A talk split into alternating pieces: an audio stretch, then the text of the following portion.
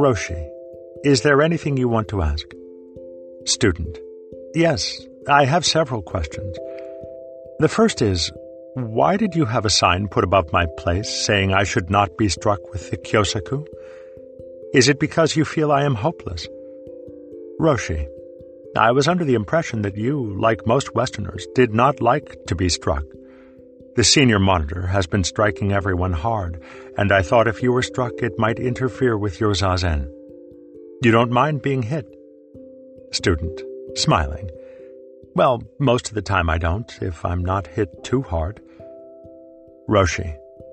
Yesterday, the young woman sitting opposite you, who happens to be Japanese, was struck with a great deal of force. To spur her on, of course.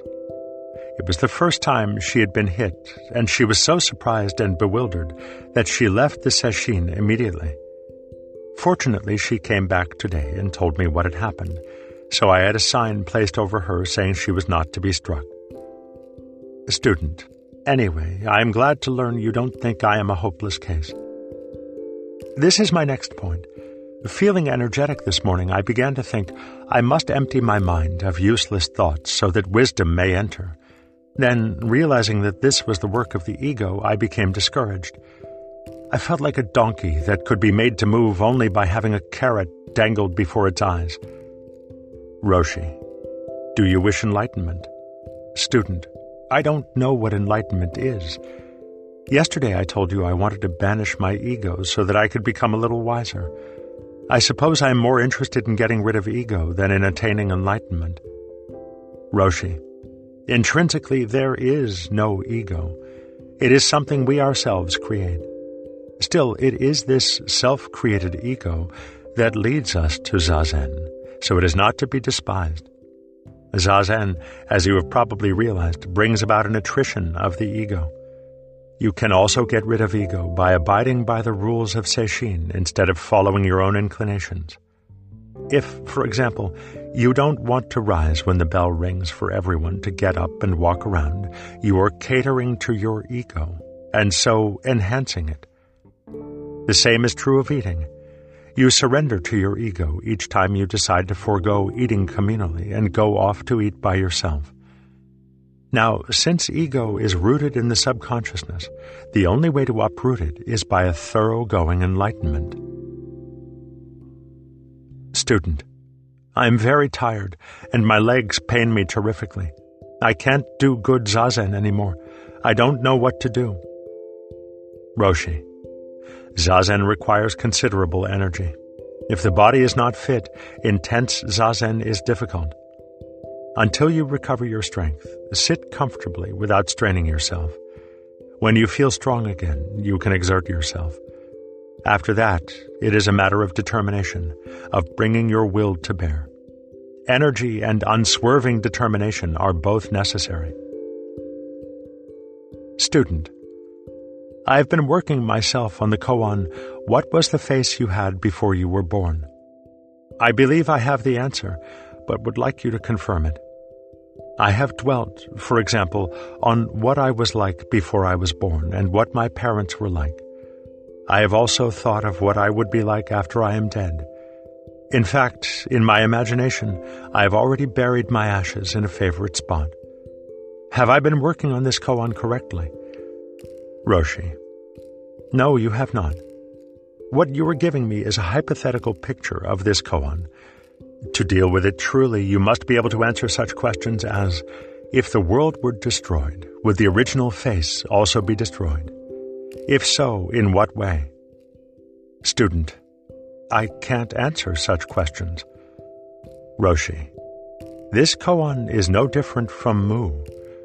For the time being, simply continue with Shikantaza until you reach the point of strongly wanting Kensho. Then a koan like What is my face before my parents' birth or What is Mu would be appropriate. Student. In speaking of Makyo, you have said that even psychological insights about oneself are makyo. This is not only confusing, but also discouraging.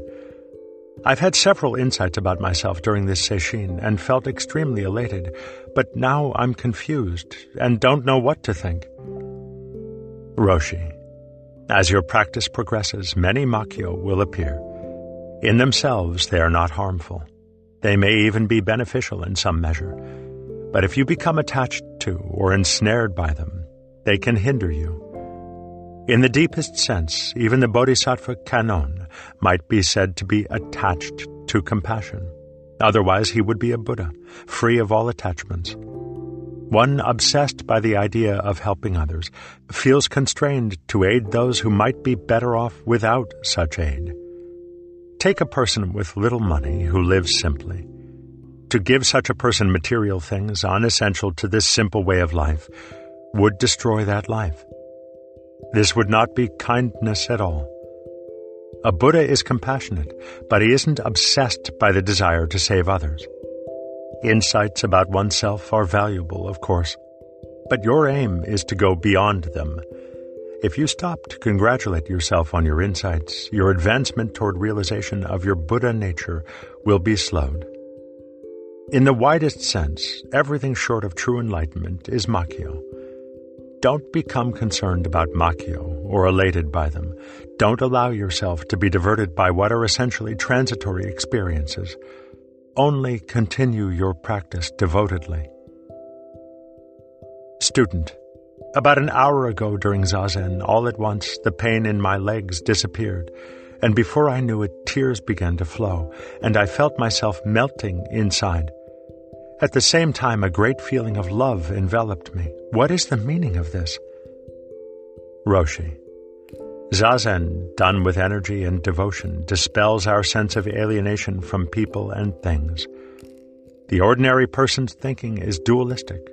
One thinks in terms of oneself and of that which is antithetical to this self, and this is what causes all our misery, because it gives rise to antagonism and grasping, which in turn lead to suffering. But through Zazen, this dichotomy gradually vanishes.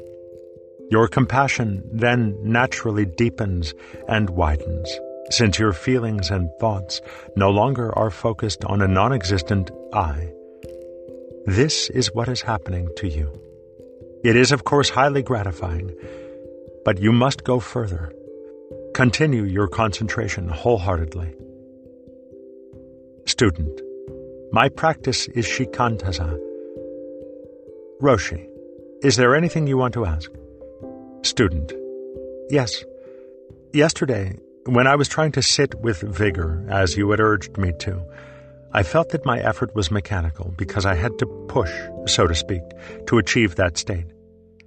Nevertheless, I sat as I was told to sit, and when I was whacked with the kyosaku several times, the stick wielder told me my sitting was very good. I myself felt that my sitting at that time was mechanical. This morning, instead of pushing, I felt myself suddenly being pushed, as it were. My strength arose naturally, and I felt that the quality of my sitting was better than that of the sitting in which I had to push. Yet this morning, when I was struck by the monitor, I was told, You're relaxing your effort. Brace up. I am really confused. Roshi. First of all, do not retain in your mind the words of the person trying to encourage you. Listen to what he says, and then forget it. Of course, the type of sitting where vigor naturally flows forth without having to push for it is better. Unfortunately, it is not always possible to maintain such vigor. That is why it is necessary to force yourself to sit firmly when energy doesn't come forth spontaneously.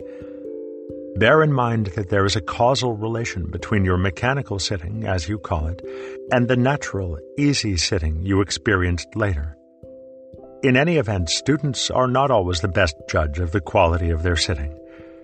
The important thing is not to relax your efforts, not to give way to dullness or tiredness.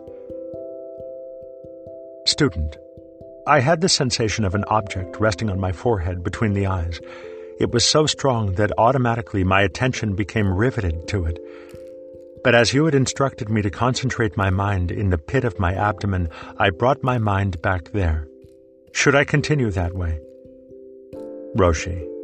If your mind naturally and spontaneously goes to a point between the eyes, it's all right to direct your concentration there. That is another way of concentrating. Roshi, has anything in particular happened to you?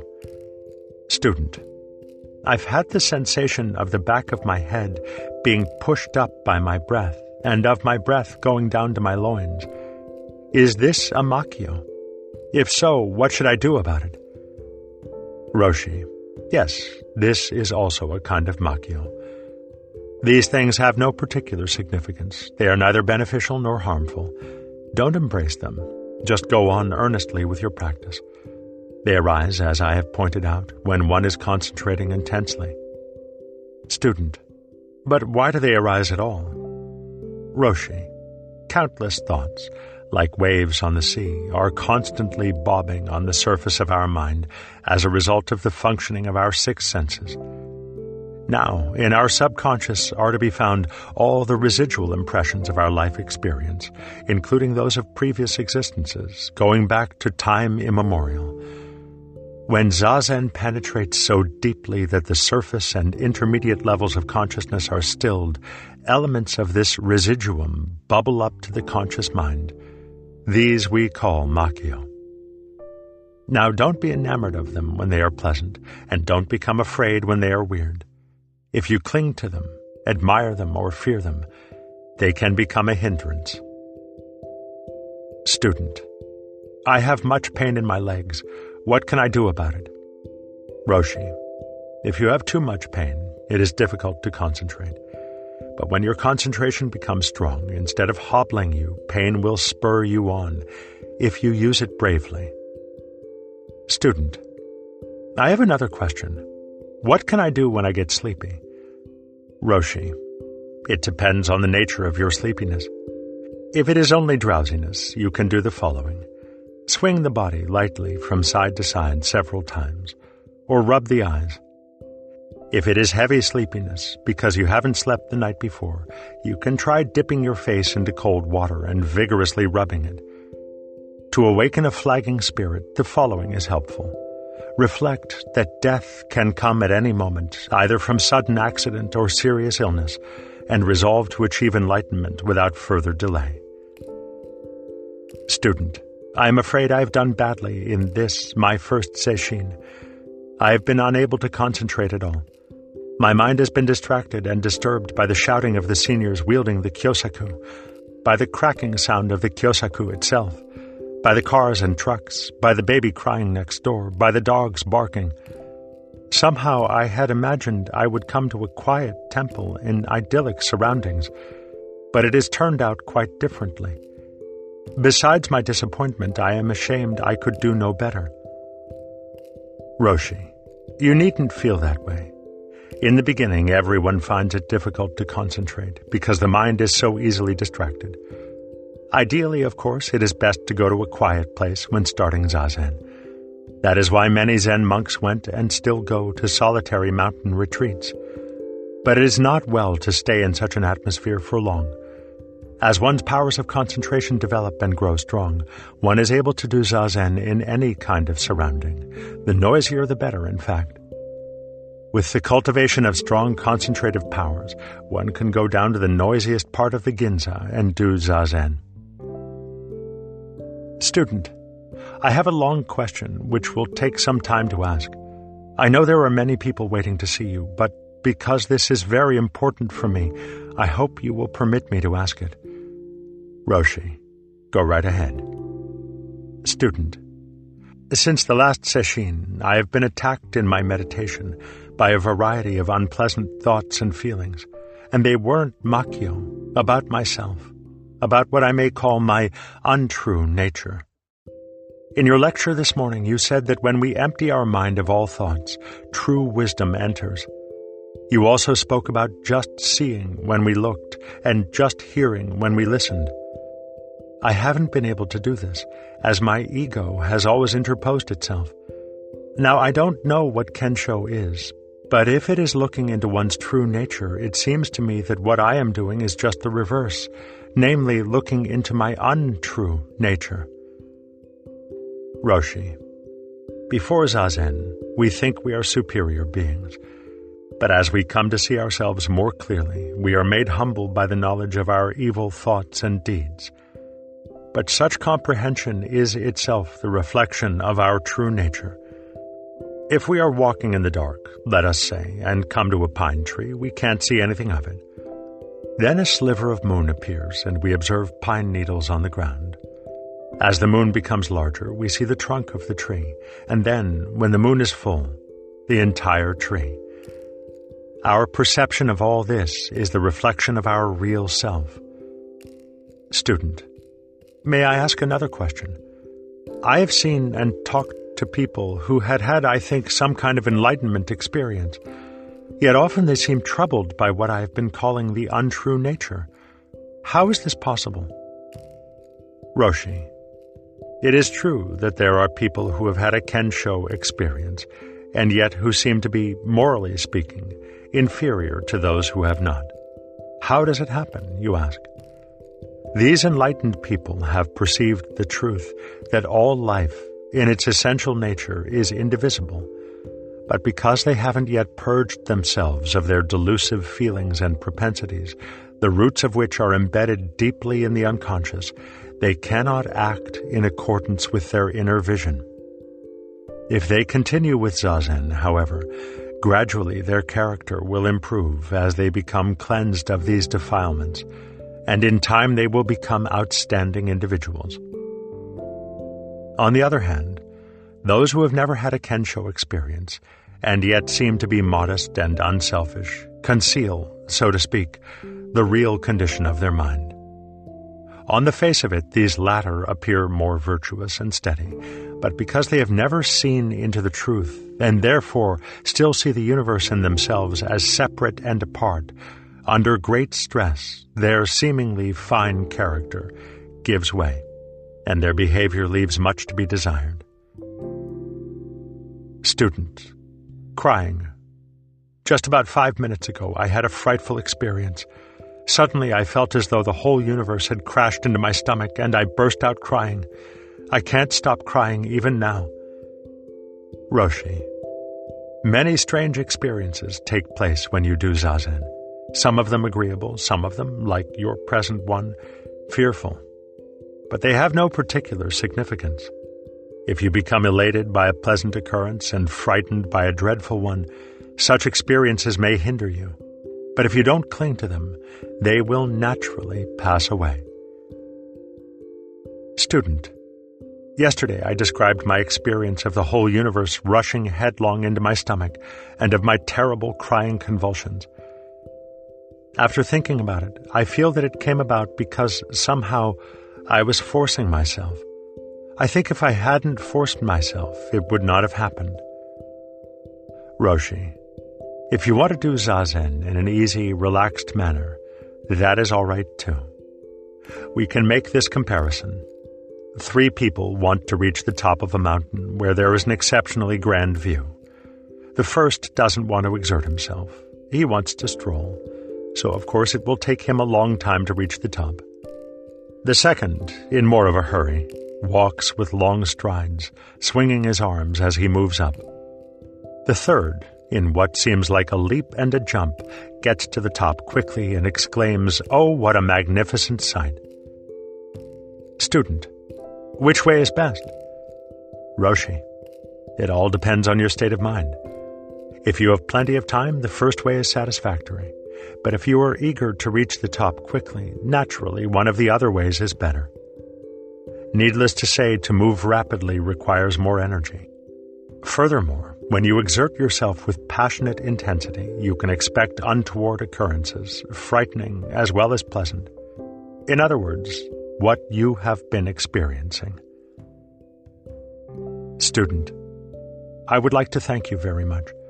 I also want to say that as I am returning to the United States next week, this will be my last sesshin. While these sesshin have been painful in a number of ways, they have also been enormously revealing. Without this last one in particular, I wouldn't understand myself so well as I do, and I wouldn't know how to proceed further. I am very grateful to you for the tremendous help you have given me. 2. Student B. Man. Age 45. Student. My koan is Mu. Roshi. To realize the spirit of Mu, you must, without being sidetracked, travel along an iron rail stretching to infinity. One halt, much less many, will thwart enlightenment. The narrowest separation from Mu becomes a separation of miles. So take care. Be vigilant. Don't let go of Mu, even for a moment, while sitting, standing, walking, eating, or working. Student.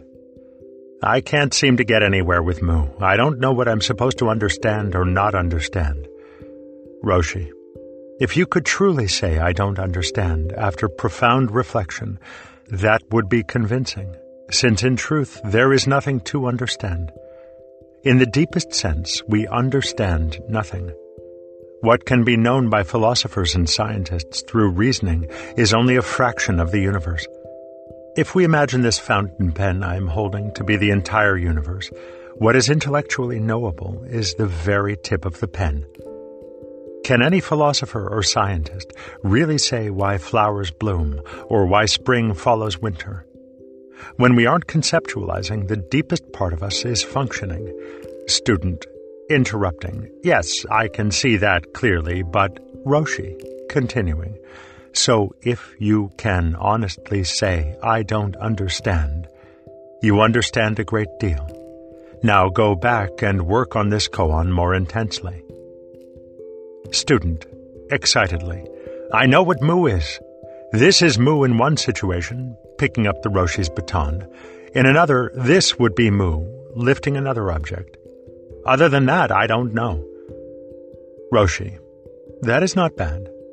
If you really knew what you meant by I don't know, your answer would be even better. It is obvious that you still think of yourself as an entity standing apart from other entities. A summary of my morning lecture was given in English to all the foreigners, I understand. Were you present? Student. Yes, I was. Roshi. Then you know how imperative it is to abandon the idea of a myself standing in opposition to others this is an illusion produced by a false view of things. To come to self realization, you must directly experience yourself and the universe as one. Of course, you understand this theoretically, but theoretical understanding is like a picture. It is not the real thing, but only a representation of it. You must let go of logical reasoning and grasp the real thing. Student. I can do that. Yes, I can. Roshi. Very well. Tell me at once what the size of the real you is. Student. Pausing. Well, it depends on the circumstances. In one situation, I may be one thing, in another, something else. Roshi. Had you realized the truth, you could have given a concrete answer instantaneously. When I reach out with both arms this way, demonstrating, how far do they extend? Answer at once. Student. Pausing. I don't know. All I know is that sometimes I feel I am this stick and sometimes I feel I am something else. I'm not sure what. Roshi, you are almost there. Don't become lax now. Do your utmost. 3. Student C. Man, age 43. Students normally state the nature of their practice as soon as they come before the Roshi in Dokusan. This student's practice is Mu, but his statement, my practice is Mu, has been omitted to avoid tiresome repetition. Student, I feel Mu is everything and nothing. I feel it is like a reflection of the moon on a lake, with no moon and no lake, only reflection. Roshi, you have a keen theoretical grasp of Mu, a clear picture of it in your mind. Now you need to take hold of it directly. There is a line a famous Zen master wrote at the time he became enlightened, which says, When I heard the temple bell ring, suddenly there was no bell and no I, just sound. In other words, he no longer was aware of a distinction between himself, the bell, the sound, and the universe. This is the state you have to reach. Don't relax. Strive on. Student. I have a complaint. Last night, while waiting to go to Dokusan, I was brusquely shoved and pushed and shouted at. I knew this prodding was intended to spur me on, but all the same I felt resentful. Roshi, it is because you think of yourself as an I that you resent this kind of treatment. If your body and mind were 100% united with Mu, who would be resenting? At that point, you are like a simpleton or like a punching bag, whichever way you are pushed to go, because your ego, your willfulness, has been banished. That is the time you directly realize Mu.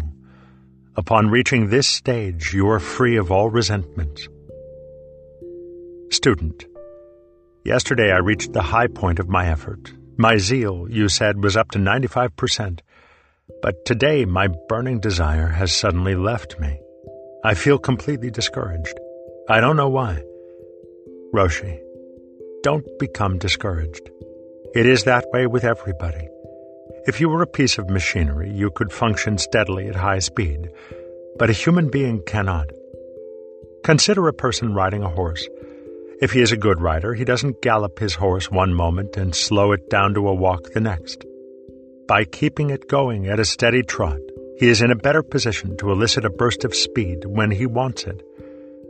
If you relax completely and continue indefinitely at a walk, or what is worse, stop from time to time, it will take you a long time to get to your destination. The trouble may be that consciously or unconsciously you are thinking, if I don't get Kensho at this sesshin, I will get it at the next. But if this were your last sesshin in Japan, you would become desperate, and your desperation would sweep you right into enlightenment. Take these people attending this special sesshin with you. They have only one chance a year to attend Sesshin, and they feel that if they do not attain Kensho this week, they will have to wait another year for the next Sesshin. So they do Zazen with tremendous energy and devotion. Three of the group have already gotten Kensho. Don't relax your efforts, otherwise it will take you a long time to achieve what you were after. Student my mind is freer of thoughts now than it has been for most of this session, but I'm still bothered by a few recurring ones. I suppose it's because I have read so much about Zen in the past and reflected on it. Roshi, yes, you will realize your true nature only after your mind has become as empty of thoughts as a sheet of pure white paper is free of blemishes. It is simply a matter of engrossing yourself in Mu so totally that there is no room for thoughts of any kind, including Mu itself. Roshi, don't be heedless, even for an instant. If you are attentive while sitting in Zazen, yet permit your eyes and mind to wander when you arise, you disrupt your concentrated mind. Are you following what I am saying? Student, yes, I am, but all this really has nothing to do with me. I am always attentive. Roshi. Well, it is possible to be inattentive without realizing it. Besides, there are degrees of attentiveness. If on a crowded train you are watchful that your wallet is not stolen, that is one kind of mindfulness. But if you are in a situation in which you might be killed at any moment, during wartime, let us say, the degree of your attentiveness is far greater. To become lax, even for a second, is to separate yourself from Mu. Even when you go to bed, continue to absorb yourself in Mu, and when you awaken, awaken with your mind focused on Mu. At every moment, your entire attention must be concentrated on penetrating Mu, so much so that you become possessed, like a lover. Only then can you awaken. Roshi you know how to do Zazen properly. You also have an excellent mental picture of Mu. But to actually experience Mu, you must discard this portrait of it lodged in your discursive mind. The roots of ego strengthening ideas are deep in the subconscious mind, out of reach of ordinary awareness, so they are hard to eliminate. To get rid of them, you must become absolutely one with Mu when walking, eating, working, sleeping, excreting, you must not only concentrate your mind, but control your eyes as well.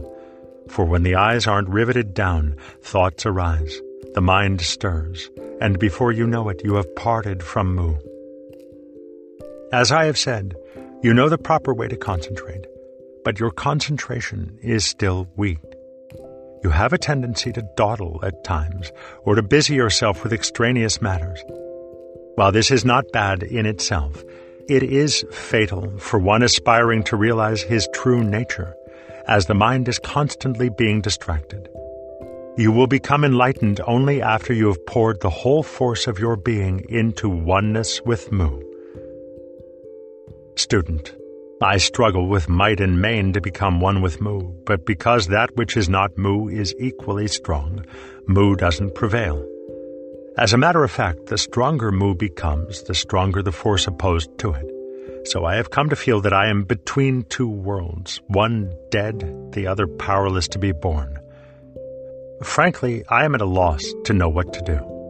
A greater strength than what I possess is necessary. Of this I am convinced. Roshi, what you were trying to do can be compared to this, pushing one hand against the other. Once you realize Mu, you know that nothing can be opposed to it, since everything is Mu. Now you can begin to appreciate why the Kyosaku is used, to help you exert yourself beyond your normal capacity. But as you dislike the Kyosaku, I can ask the Chief Monitor to slap you hard on the back from time to time with that as a spur, you can mobilize greater strength and energy than you have up to now. Roshi. Were this a certain large monastery, and you came before the Roshi in Dokusan, as you are now doing, he would sharply demand, Show me Mu. If you couldn't show him, he would warn you not to return until you could. Dismayed, you would find excuses to stay away from Dokusan for fear of being rebuked because you had no answer to Mu yet.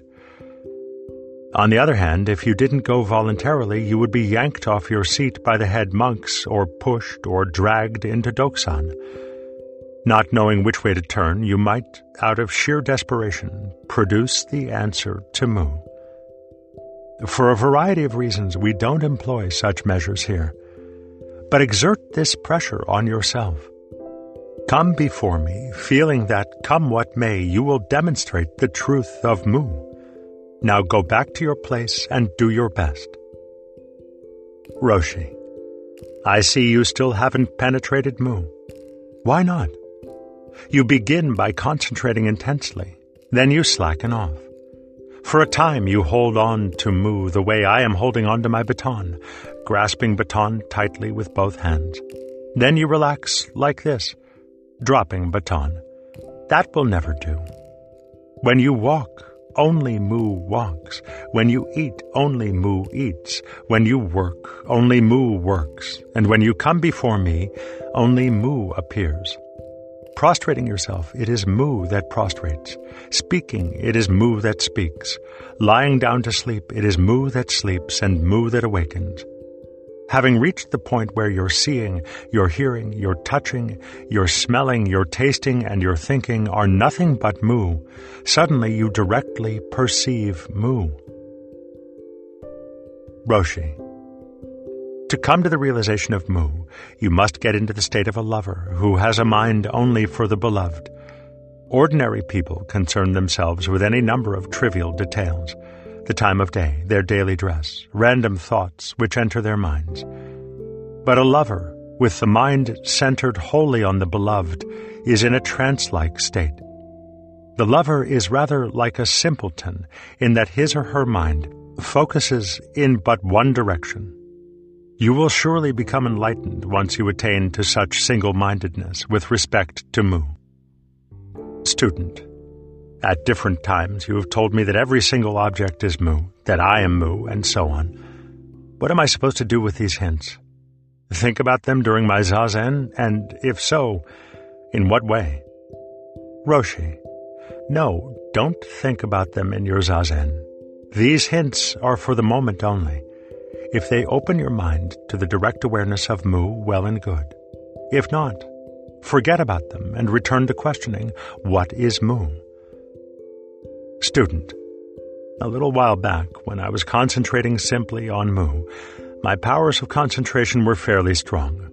I could easily focus my mind on Mu without the interference of various thoughts. But ever since you told me I must think of the meaning of Mu, that I must keep querying myself, what is Mu? My mind has been opened to a barrage of thoughts which hinder my concentration. Roshi, you can reduce what is Mu to simply Mu, for the whole question has by now seeped into your subconscious, and this abbreviated Mu will set the full phrase echoing in your mind. Your purpose in doing Zazen is to experience Kensho. Kensho and Joriki, which is the Japanese name for the power growing out of Zazen, while closely related, are nevertheless two different things. There are those who do Zazen for years, with strong Joriki, yet never awaken. Why not? Because in their deepest unconscious, they can't disabuse themselves of the idea that the world is external to them that they are a sovereign individuality, independent of and opposed to by other individualities. To renounce such conceptions is to stand in darkness. Now, Satori comes out of this darkness, not out of the light of reason and worldly knowledge. In the intense asking, What is Mu? you bring the reasoning mind to an impasse, void of every thought even as you gradually destroy the tenacious roots of I and not I in the conscious mind. This dynamic kind of self inquiry is the quickest way to self realization. Joriki is, of course, essential. But if your aim is no more than that, you can do Zazen for years without coming any closer to your goal of awakening. On the other hand, there are many people whose joriki is comparatively weak and yet who open their mind's eye. Student, why then should I bother to develop joriki? Roshi, only because you cannot carry on spiritual practice unless your thoughts and emotions are under natural restraint. Once you acquire this natural control through joriki, you are no longer compulsively driven. You are free to experience attractive sights or sounds, let us say, or to ignore them, with no aftermath of remorse or clinging. Nevertheless, until enlightenment, your view of the world and your relation to it will be blurred. In other words, still dominated by the idea of self and other, and you will be misled by your imperfect vision. Self realization can come, as I have said, with only a little zazen and correspondingly little joriki. But without joriki, it is difficult to redirect one's habitual actions so that they accord with the truth one has experienced. It is only after awakening, when one no longer sees the world and oneself as two, that one's potentialities unfold to their fullest, provided one always continues with zazen and the development of Joriki. Student, I can appreciate all that. But my problem still is how am I to entertain the question, what is Mu, when I find it entirely meaningless? I can't even formulate the question for myself, much less resolve it. If I were to say to you, what is Baba, it would have no meaning for you. I find Mu equally meaningless. Roshi, that is precisely why Mu is such an excellent practice. To realize your self nature, you have to break out of the cul de sac of logic and analysis. The ordinary question demands a rational answer, but trying to answer what is Mu rationally is like trying to smash your fist through an iron wall. This question forces you into a realm beyond reasoning. But your effort to solve it is not without meaning. What you are really trying to find out is what is my true self? Through the way I have specified, you can discover it. If you prefer, you may ask yourself, what is my true self? Student. Or what am I? Or who am I? Roshi. Yes, exactly. Student. Rushing in, panting. I must tell you what happened to me a short while ago. I practically blacked out. Roshi, you mean that everything went black and you couldn't see at all? Student, not quite. Everything grew dark, but there were little holes of light in this blackness. This has happened several times. What is the significance of it? Roshi, it is a makyo, proving you have reached a critical halfway point. Makyos do not occur when you are dawdling, neither do they appear when your practice has ripened. Such occurrences indicate the intensity of your concentration. It is extremely important that you not separate yourself one hair's breadth from your koan. Don't become heedless even for a moment. Don't let a single thing disrupt your concentration. You must now directly realize Mu. Only one more step. Student. My mind is fully concentrated. I've been in deep samadhi. With my heart and soul, I've been asking, What is Mu? Roshi. Excellent. Student. But I have this difficulty. All of a sudden, my heart begins to beat very fast. At other times, my breath disappears from my nose, and I feel it in the bottom of my stomach. I don't know whether this is something to worry about or not. Also, when I hear the chief monitor cracking everybody with the kyosaku, shouting at them to concentrate with every last bit of energy, and I hear them snorting and puffing, I don't know whether to continue in my own way, meditating quietly, or to strain and push like the others around me. Roshi, I can only repeat, you have reached a crucial point. When I was practicing at Hosshinji many years ago, I too reached the state where my heart began to beat violently, and I didn't know what to do. As you know, the kyosaku is used relentlessly at that monastery, and everybody is continually urged to do his utmost. When I put the problem to Harada Roshi, he said nothing. Nothing at all. This meant that I must feel my own way, for nobody else could tell me what to do. If I continued, I felt I might faint. On the other hand, if I slackened my efforts, I knew I would fall back. I will tell you this.